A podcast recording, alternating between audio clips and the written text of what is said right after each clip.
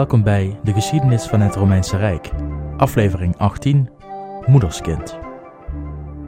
Vorige week heb ik gesproken over de eerste uittocht der plebeiers en de politieke gevolgen die dit met zich meebracht.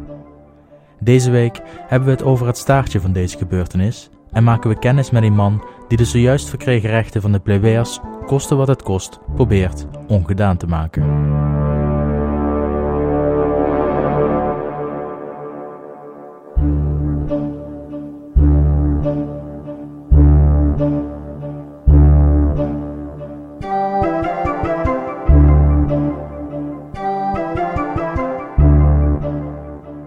Terug in Rome in het jaar 493 voor Christus. De uittocht van de plebeiers had zojuist geresulteerd in de invoering van de volkstribuun. De rust in Rome is enigszins teruggekeerd. De oorlog met de buitenwereld was echter nog in volle gang bezig. De Romeinen waren tijdens hun interne problemen meermaals aangevallen door hun buren, die een slaatje probeerden te slaan uit de Romeinse malaise. Nu Rome de binnenlandse aangelegenheden weer op de rails zat, werd het tijd voor een tegenoffensief. De consuls van het jaar 493 voor Christus besloten om een leger te sturen naar de volksken. Rome had de verschillende aanvallen van de volksken weten te weerstaan, maar de volksken bleven de grens tussen hen en de Romeinen maar plunderen. Vrede was ver te zoeken. En gezien de onderlinge verstandhoudingen zal vrede ook nog enige tijd op zich laten wachten. De Romeinen besloten daarom één consul achter te laten in Rome en één consul met een leger naar de volksken te sturen, de oorlog tegemoet. Deze consul heette Postumus Cominius, maar dit is niet de man die de aandacht van deze aflevering vestigt. Die aandacht gaat naar een soldaat in het leger van de consul, genaamd Gaius Marcius. De tocht naar de volksken verliep zonder noemenswaardigheden, en de consul komt met zijn leger al snel aan bij de volkskische stad Antium. Hier verbleef een leger van de vijand, welke zonder al te veel moeite tot een vlucht gedwongen kon worden. De volksken vluchten van Antium richting Longula. Ook hier volgen de Romeinen hen op de voet, en ook deze stad blijkt onvoldoende om de wraak van de Romeinen tegen te kunnen houden. De stad valt en wordt toegevoegd aan het lijstje Romeins eigendom. De volksken weten wederom te ontsnappen, en de vlucht leidt hen ditmaal van Longula naar Pelusca. De Romeinen houden stug vol en volgen de vijand ook naar deze stad. Kort maar krachtig is de belegering, en ook Pelusca valt de Romeinse handen. De volsken blijken ware ontsnappingskunstenaars, want wederom weten ze uit handen van de Romeinen te blijven. Ditmaal vluchten ze naar Corioli. Hier zullen ze echter niet meer uit ontsnappen. De Romeinen blijven volgen. De missie lijkt inmiddels in persoonlijke te zijn. Hoe dan ook, zouden de Romeinen deze volksken te pakken krijgen. Er wordt dan ook zwaar ingezet om de volksken deze keer niet te laten ontsnappen. De belegering van Corioli is compleet. De volle aandacht wordt gericht op de stad met als doel vangen, doden en innemen. De stad wordt volledig omsingeld. De belegeringswerktuigen worden opgezet. De Romeinen hebben de betere kaarten in handen. Maar dan gebeurt er iets dat het spel volledig omdraait. Een leger van volsken, die zojuist Antium hadden heroverd, doemde op aan de horizon achter de Romeinen. De Romeinen hadden nu zowel een vijand in als buiten de stad, en de oorlog zou gevochten moeten worden op twee fronten. De slag zou vrijwel zeker zijn uitgelopen op een nederlaag voor de Romeinen, was het niet voor Gaius Marcius, die na de slag de bijnaam Coriolanus aan zijn naam mocht toevoegen. Toen de volkskische troepen uit Antium de Romeinen op het tweede front aanvielen, braken de volksken in de stad Corioli in een verrassingsaanval uit de poorten van de stad, om de Romeinen in een tankbeweging de baas te kunnen zijn. Gaius Marcius stond op wacht om de stad in de gaten te houden, en hij zag de uitbraak plaatsvinden. Hij sloeg direct alarm, maar de Romeinen werden reeds beziggehouden door de volksken uit Antium. Gaius besloot hierop zelf actie te ondernemen. Hij wees zijn beste soldaten in zijn omgeving aan om hem te volgen en met een veel kleinere groep dan zijn tegenstander spoedde hij zich naar de uitbraak. Het lukte hem de weg richting de rug van zijn medesoldaten af te snijden, en net buiten de stadsmuren vochten Gaius Marcius en zijn mannen om een slachting te voorkomen. De groep van Gaius bleek sterker dan gedacht, en ze wisten eigenhandig de uitbraak niet alleen tegen te houden, maar terug te dringen, terug de stadsmuren van Corioli in. Gaius zag zijn kans schoon, en hij en zijn mannen achtervolgden de volsken in hun vlucht de stad in. Het lukte door de stadspoorten te sprinten alvorens zij werden gesloten, en net achter de poort ging het gevecht verder. Terwijl zijn mannen de volsken zo goed als ze konden bevochten, verwijderde Gaius zich van de gevechten om met een fakkel de huizen nabij de stadsmuur in lichterlaaien te zetten, met het doel de schijn te wekken dat de Romeinen binnen waren gekomen en dat de stad was gevallen. De huizen vatten vlam. De rook steeg op en de bewoners van de stad raakten in paniek. Het geschreeuw en gekrijs van wanhoop en paniek reikte tot over de stadsmuren voor iedereen om te horen. Zelfs op het slagveld zelf waren de rookpluimen uit de stad en het geschreeuw van de bevolking goed te zien en te horen. De list van Gaius Marcius werkte. De volkskunde uit Antium dachten dat de stad die zij kwamen bevrijden was gevallen. De soldaten die zij kwamen redden overmeesterd. Het moraal verdween als sneeuw voor de zon, en de Romeinen konden de aanval van de volksken afhouden en het initiatief van de slag naar zich toetrekken. De volksken werden verslagen en gebroken. Het leger uit Antium werd tot vluchten gedwongen. Gaius Marcius zijn acties tijdens de oorlog lieten hem in het vervolg bekend staan als Gaius Marcius Coriolanus, naar de stad Corioli, die dankzij hem kon worden veroverd. De daden van Coriolanus werden dermate geroemd dat zijn naam die van de consul overschaduwde. Hij en niemand anders was op dit moment de held van Rome. Dit verhaal was de oorsprong van zijn beroemdheid. Nu volgt het verhaal dat zijn beroemdheid liet omslaan naar beruchtheid. De jaren volgend op de zojuist beschreven oorlog waren tumultueus voor de Romeinen. Niet in oorlog of opstand, maar een groter gevaar trof de stad: honger. De oorlogen tegen de volsken Sabijnen en Hernici tussen 495 en 493 voor Christus hadden de plebeiers die dienst hadden in het leger lang van hun akkers gehouden. Daarop volgde in 493 voor Christus de uittocht van de plebeiers. Ze verlieten de stad en hun akkers in een algemene staking. Deze verwaarlozing van de akkers bracht de onvoorziene consequentie met zich mee dat de oogst niet opbracht wat men had gedacht in de jaren die volgden. En in hongersnood leek het leven van zowel de slaven als plebeiers te eisen. Was het niet dat de consuls besloten handelsmissies op te zetten naar de buurlanden, om zoveel mogelijk voedsel in te kopen als mogelijk? Het kopen van voedsel, en dan vooral graan, bleek niet gemakkelijk. De naaste buren van de Romeinen maakten de handelaren het leven zuur. Boten werden vernield, het verkopen van producten aan Romeinen verboden. Alles was eraan gelegen Rome klein te krijgen. De volksken gingen zelfs zo ver om wederom een leger klaar te maken om te marcheren naar Rome, zodra de honger had toegeslagen. Gelukkig voor Rome brak er rond deze tijd ziekte uit in Latium. Het is onduidelijk welke ziektekiemen deze uitbraak hebben veroorzaakt, maar de volksken werden dermate getroffen dat ze de oorlog moesten uitstellen. Intussen gingen de Romeinen zo ver als Sicilië om aan graan te komen, en vanuit Sicilië kwamen vervolgens ook de eerste ladingen graan aan in Rome. De aangekochte hoeveelheden graan waren echter onvoldoende om iedereen te kunnen voorzien van overvloed. Het graan moest eerlijk verdeeld worden als het zomaar aan de plebeiers gegeven zou worden, zouden er ongetwijfeld onrusten zijn ontstaan, doordat er simpelweg te weinig was. Dat het aan de plebeiers gegeven moest worden was duidelijk, maar hoe en tegen welke prijs was dat allerminst. Met Coriolanus voorop werd in de Senaat openlijk gedebatteerd over de kans die de honger bood. De plebeiers zouden het graan kunnen krijgen tegen een prijs. En die prijs moest volgens Coriolanus zijn het teruggeven van de macht van de volkstribuun aan de Senaat. Coriolanus was een aanhanger van de harde lijn van Appius Claudius. Hij was ervan overtuigd dat de plebeiers de macht van de Senaat hadden gestolen door een oneervolle actie Rome onverdedigd achter te laten op de rand van een vijandelijk leger. De haat jegens de plebeiers was groot, en de haat van de plebeiers jegens hem stond op het punt door het dak te gaan. Het woord verliet de senaat dat Coriolanus de voorman was van een plan van de patriciërs om de plebeiers de mond te snoeren.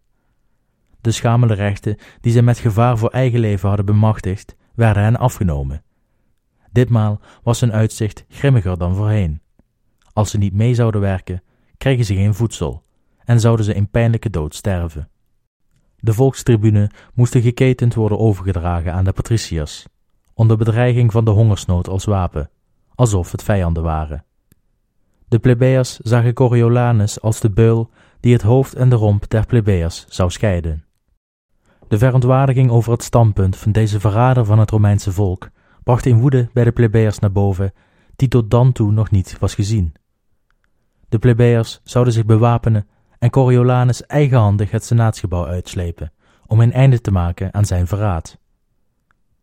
De volkstribune staken hier echter een stokje voor. Zij wisten dat wanneer de plebeiers een senator zouden vermoorden, de wraak van de senaat nog veel harder zou zijn.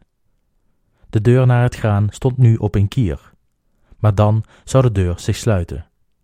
Men besloot, tegen alle regels in, één dag uit te kiezen waarop Coriolanus zich zou moeten verantwoorden voor de plebeiers.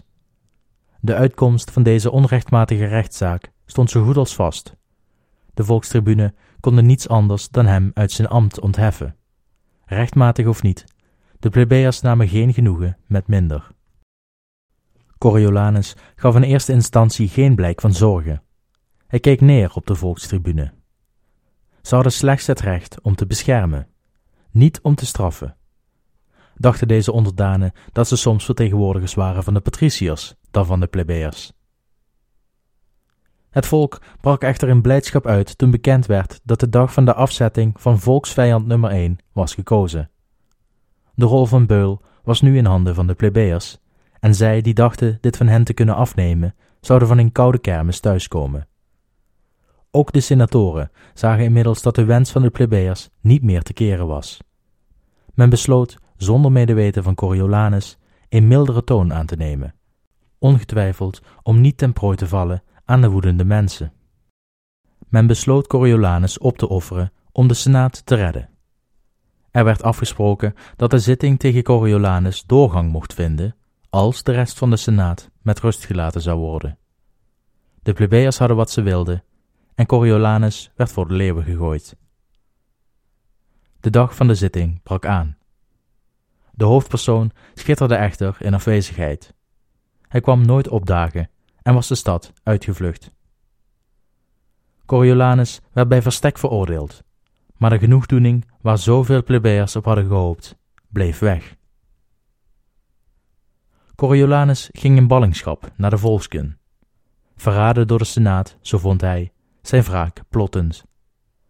Hij uitte openlijk bedreigingen tegen zijn voormalige thuisstad. Vijandig waren zijn woorden. De volkskun verwelkomde deze belangrijke en symbolische vijand van Rome uiteraard met open armen. Hij werd populair onder zijn nieuwe landgenoten, daar zijn dreigementen steeds bitterder werden en zijn klachten en intimidatie steeds vaker gehoord. Coriolanus genoot bij de volkskun van de gastvrijheid van Attius Tullius, veruit de belangrijkste man bij de volkskun en een aardsvijand voor Rome van jongs af. Met hem als zijn beschermheer ontmoetten de oude haat en nieuwe geprikkelde wrok elkaar. Gezamenlijk maakten ze voorbereidingen voor een oorlog tegen Rome. Er was echter één probleem. De volkskiese bevolking was oorlogsmoe. De recente nederlagen die de oorlogen hen hadden gebracht en de ziekte die het zuiden van Latium had getroffen, had de oorlogsgeest gebroken. Er was een vonk nodig die de oorlogszucht onder hen weer zou doen ontvlammen. De vonk werd als volgt geproduceerd. Het was de tijd van de voorbereidingen van de jaarlijks grootste spelen in Rome.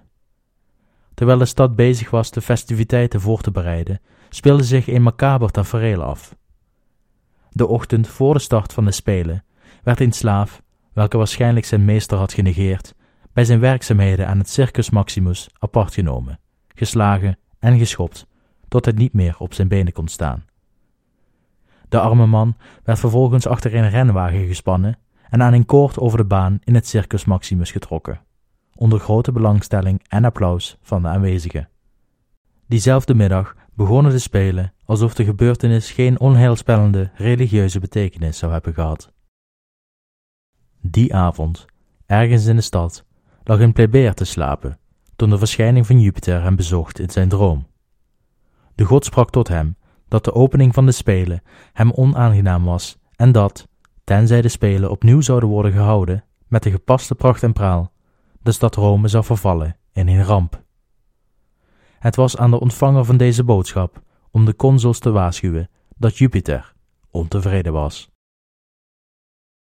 De man werd wakker, en ondanks dat hij godenvrezend was als ieder andere goede Romein, was zijn angst voor de patriciërs nog groter, gezien de recente spanningen tussen de plebeiers en de patriciërs. Hij was bang dat hij het slachtoffer zou worden van openbare spot. Hij besloot te wachten met het overbrengen van de waarschuwing. Deze aarzeling had een prijs. Binnen een paar dagen verloor hij zijn zoon, en om er zeker van te zijn dat de man niet zou twijfelen over de oorzaak van dit verlies, verscheen Jupiter nogmaals in een droom van de inmiddels noodlijdende vader. Jupiter vroeg hem of de man voldoende was terugbetaald voor zijn verwaarlozing van de goddelijke wil. Een nog duurdere beloning was namelijk aanstaande, als de man zich niet snel zou wenden tot de consuls. De man dacht dat een hogere prijs dan zijn zoon onmogelijk was, en wederom besloot hij de angst voor de patriciërs te laten winnen van de angst voor de goden. De man had het mis. Zijn lichaam werd getroffen door een ernstige aandoening. Zijn lichaam vertoonde steeds vaker verlammingsverschijnselen, en de man besloot dat de prijs hem te hoog was. Hij riep zijn naasten bijeen en vertelde hen over de verschijning van Jupiter in zijn slaap en de dreigende toren van de goden die zijn huis reeds had getroffen. Op het aandringen van zijn naaste werd de man in een draagstoel gehesen en werd hij vervoerd naar de Senaat, waar de consuls werden opgeroepen te verschijnen voor dit goddelijke bericht. Na het herhalen van zijn verhaal aan de Senaat en de consuls deed zich een wonder voor. De verlammingen verdwenen en de man kon, na het uitvoeren van zijn goddelijke plicht, op zijn eigen benen teruglopen naar huis. De Senaat besloot de Spelen opnieuw te organiseren in de meest uitbundige vorm. Dan, op aanwijzing van Attius Tullius, de man van de volksken, verzamelden de volksken die woonden in Rome zich voor het Senaatsgebouw. Uit de groep verscheen Attius zelf, en in navolging van een afspraak die eerder was gemaakt tussen de Senaat en Coriolanus, werd Attius door de Senaat ontvangen. Hij sprak dat er dringende zaken besproken moesten worden die de staat aangrepen. Deze moest hij privé bespreken met de Senaat. Nadat alle volksken en andere buitenstaanders uit de Senaat waren verwijderd, stak Attius van wal. Het is met grote tegenzin dat ik met minachting spreek over mijn eigen volk. Ik kom echter niet om hen te beschuldigen van een feitelijk begane misdaad, maar ik sta voor u als voorzorgsmaatregel tegen hun karakter. Ik zou graag willen dat het anders was, maar de natuur van mijn volk is wispelturig. Zo hebben wij ervaren in de vele oorlogen tegen u. Ik kan vandaag tegenover u staan, niet omdat wij zo goed vechten, maar omdat u zo verdraagzaam bent. Ik heb gehoord van de toren van Jupiter, welke boven deze spelen hangt, en ik herinner mij een incident met de Sabijnen, welke uw spelen enkele jaren geleden hebben ontregeld. Ik ben bang dat eenzelfde incident uw spelen zal ontsieren door roekeloosheid van mijn eigen volk. Ik kom hier voor u om u te waarschuwen. Wat u doet met dit bericht, laat ik aan u. Ik zal nu vertrekken naar mijn thuisland om te voorkomen dat mijn woorden voor u ontdekt zullen worden. Zo snel als Attius was verschenen, verdween hij ook weer. De waarschuwing van Attius werd serieus genomen door de Senaat. Aan zijn intenties werd niet getwijfeld. De Senaat, met het oog op de recente gebeurtenissen rond de plebejse man, besloot verstrekkende voorzorgsmaatregelen te treffen. Het bevel werd gegeven dat alle volksken de stad voor het vallen van de nacht moesten verlaten. Soldaten werden gestuurd om er zeker van te zijn dat alle volksken de weg naar de stadspoort wisten te vinden. De volksken waren verbaasd en in paniek. Waarom werden zij nu verdreven tijdens een festival om de goden tevreden te stellen? Een festival dat in het teken stond van een ontmoeting tussen de mens en de hemel. Alsof ze waren vervloekt en ongeschikt waren voor de menselijke samenleving. Terwijl de grote groep volksken in een onafgebroken trein wegliep van Rome, werden ze een eind verderop opgewacht door Attius Tullius. Bij het zien van Attius ontstaken ze in klacht over de Romeinen. Ze vertelden hem wat hen was overkomen, en Attius, als in mes geslepen, leidde hen voort met woorden die overeenkwamen met hun eigen ongenoegen. Hij sprak hen toe.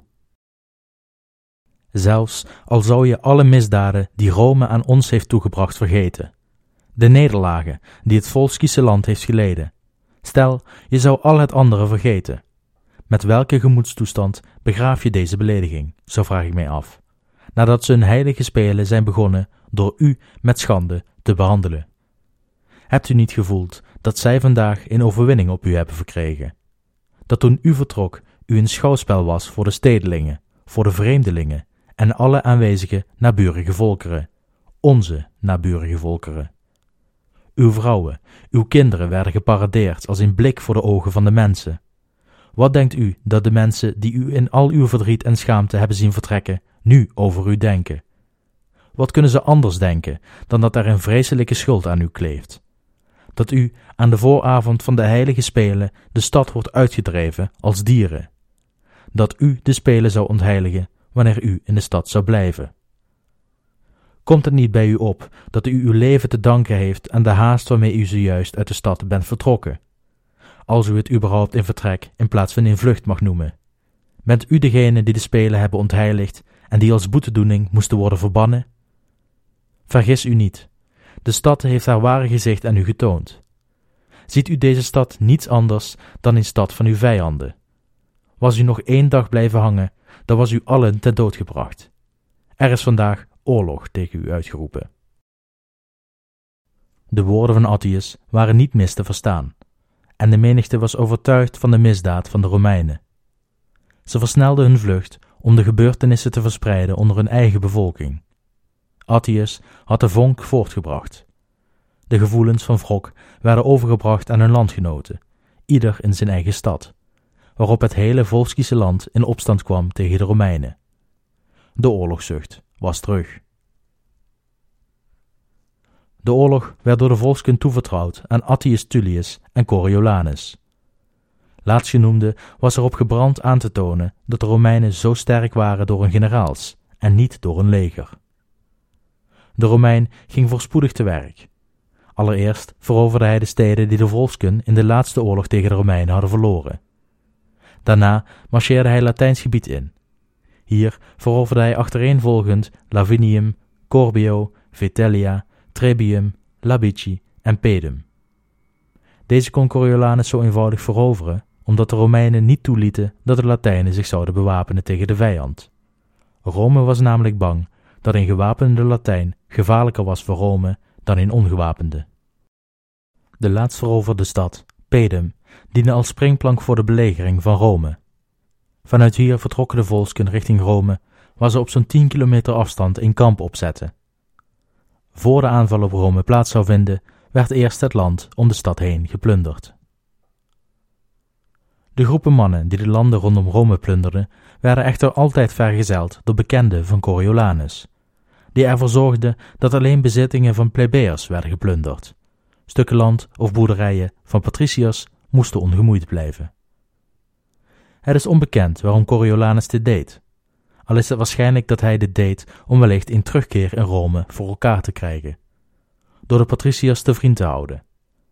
Livius denkt dat het doel van Coriolanus was om de plebeiers en de patriciërs in Rome verder tegen elkaar op te zetten.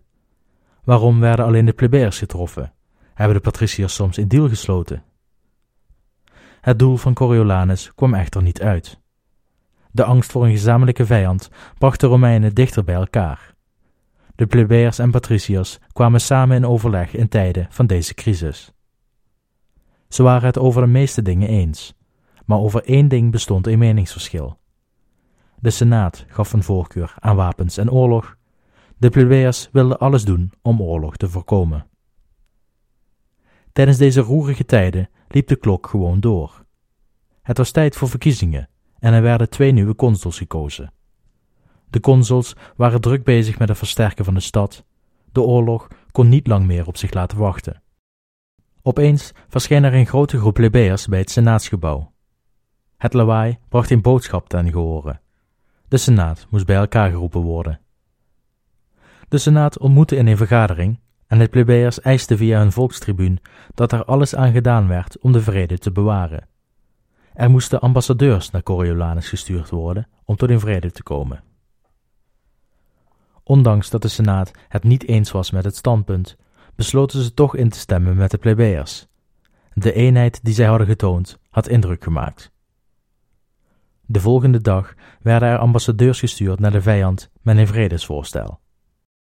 De ambassadeurs keerden terug naar Rome met een rigoureus antwoord van de volksken. Er zou pas over vrede worden onderhandeld als alle landen die de Romeinen van de volksken hadden veroverd, teruggegeven zouden worden. Pas dan wilde Coriolanus onderhandelen. Hij voegde hieraan toe dat de Romeinen in zware onderhandeling te wachten stond. Hij was het verraad van zijn eigen volk namelijk nog niet vergeten. Het had zijn geest verrijkt in plaats van gebroken.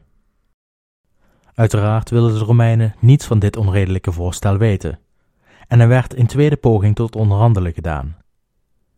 Dezelfde ambassadeur kwam dit keer niet eens het kamp van Coriolanus binnen, en hij keerde onverrichter zaken terug.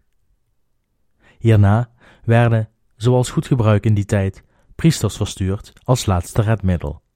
Maar ook zij troffen hetzelfde lot als de vorige poging. Coriolanus bleef resoluut. Toen kwam een senator met een plan. Men zou de bejaarde moeder van Coriolanus, samen met zijn vrouw en twee jonge zoons, naar het kamp van de vijand sturen, om hem te smeken de aanval af te breken, voor deze zou beginnen. De bejaarde moeder ging akkoord en samen met een groep vrouwen vertrokken ze naar het kamp, in de hoop Coriolanus te kunnen overtuigen met tranen en gebeden, daar waar de mannen hadden gefaald met harde woorden. In eerste instantie was Coriolanus niet onder de indruk. Hij hoorde van de aankomst van de vrouwen en hij reageerde niet anders dan eerder. Hij was onder de indruk dat Rome weer een aantal religieuze dienaars had gestuurd. De poorten bleven dicht. Toen echter een vriend van de Romein zijn oude moeder herkende en aan Coriolanus vroeg of dat niet zijn moeder was, sprong hij op uit zijn stoel. De poorten werden haastig geopend en zijn moeder, vrouw en kinderen werden warm omhelst. Na deze uitwisseling van vriendelijkheden kwam de moeder snel ter zake. Ze sprak haar zoon toe, hoe hypocriet hij wel niet was geweest. Hoe hij het over zijn hart kreeg de landen die hem gevoed en onderhouden hadden te laten plunderen door buitenlanders. Hoe hij de stad waar zijn moeder, vrouw en kinderen woonden, kon laten belegeren. Hoe hij de oorlog naar zijn kinderen kon brengen. Was het zijn moeder allemaal aan te rekenen, vroeg ze zich af. Als ik kinderloos was gebleven, had Rome dan nu niet hoeven vrezen voor het leven in onderdrukking. Had zijn moeder dan de rest van haar leven vrij kunnen blijven.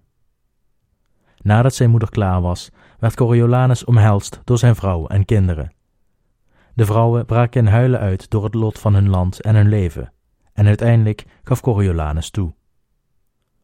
Hij liet zijn familie terugkeren naar Rome en trok zijn troepen terug naar een thuisland. Er gaan twee versies over het vervolg van Coriolanus' leven. De ene versie vertelt dat Coriolanus jaren later als oude man sterft, terwijl hij spijt heeft van zijn ballingschap en zijn daden. De andere versie schetst dat Coriolanus op weg terug naar het thuisland werd vermoord door de volsken, die de voor hen goedlopende oorlog niet wilden vergooien door het sentiment van een Romein. Kiest u zelf maar welke versie u geloofwaardiger vindt. Wat echter vaststaat, is dat na de terugtrekking Coriolanus niet langer de leider was van de oorlog tegen de Romeinen. Attius Tullius nam de teugels over, en de volkskunde keerde snel terug op Latijns grondgebied, op weg naar Rome. Ze waren inmiddels versterkt door een leger van de Aqui. De Aqui hadden echter geen hoge pet op van Attius Tullius, en ze wensten een andere leider voordat ze het gevecht aangingen met Rome. De volksken gaven hier niet aan toe. Spanningen liepen op tussen de twee groepen en uiteindelijk leidde het lot tot een conflict. De twee legers stonden nu lijnrecht tegenover elkaar. Attius Tullius als leider van de Volsken, een ander als leider van de Aqui. De winnaar zou het leger leiden tegen de Romeinen. De slag die volgde had een desastreus resultaat. De troepen waren zo aan elkaar gewaagd en tot op het bot gemotiveerd dat de slag resulteerde in een overwinning met twee verliezers. Het leger was dermate verzwakt geraakt dat de oorlog als een nachtkaars zou opbranden. De Volsken en de Aqui hadden hun eigen nederlaag veroorzaakt. Rome kwam als lachende derde zonder ook maar één slag te hebben gevochten, als winnaar uit de strijd. De slag was gewonnen, de oorlog nog lang niet. Volgende week gaan we iets versnellen door de tijd. We zien het resultaat van de oorlogen tegen de Volsken en gaan kijken naar een tweede golf van onrust onder de plebeiers. Ik weet nog niet precies hoe ik de tijdlijn wil aanpakken, maar volgende week weet je ongetwijfeld meer. Tot slot wil ik u weer bedanken voor het luisteren en tot de volgende keer.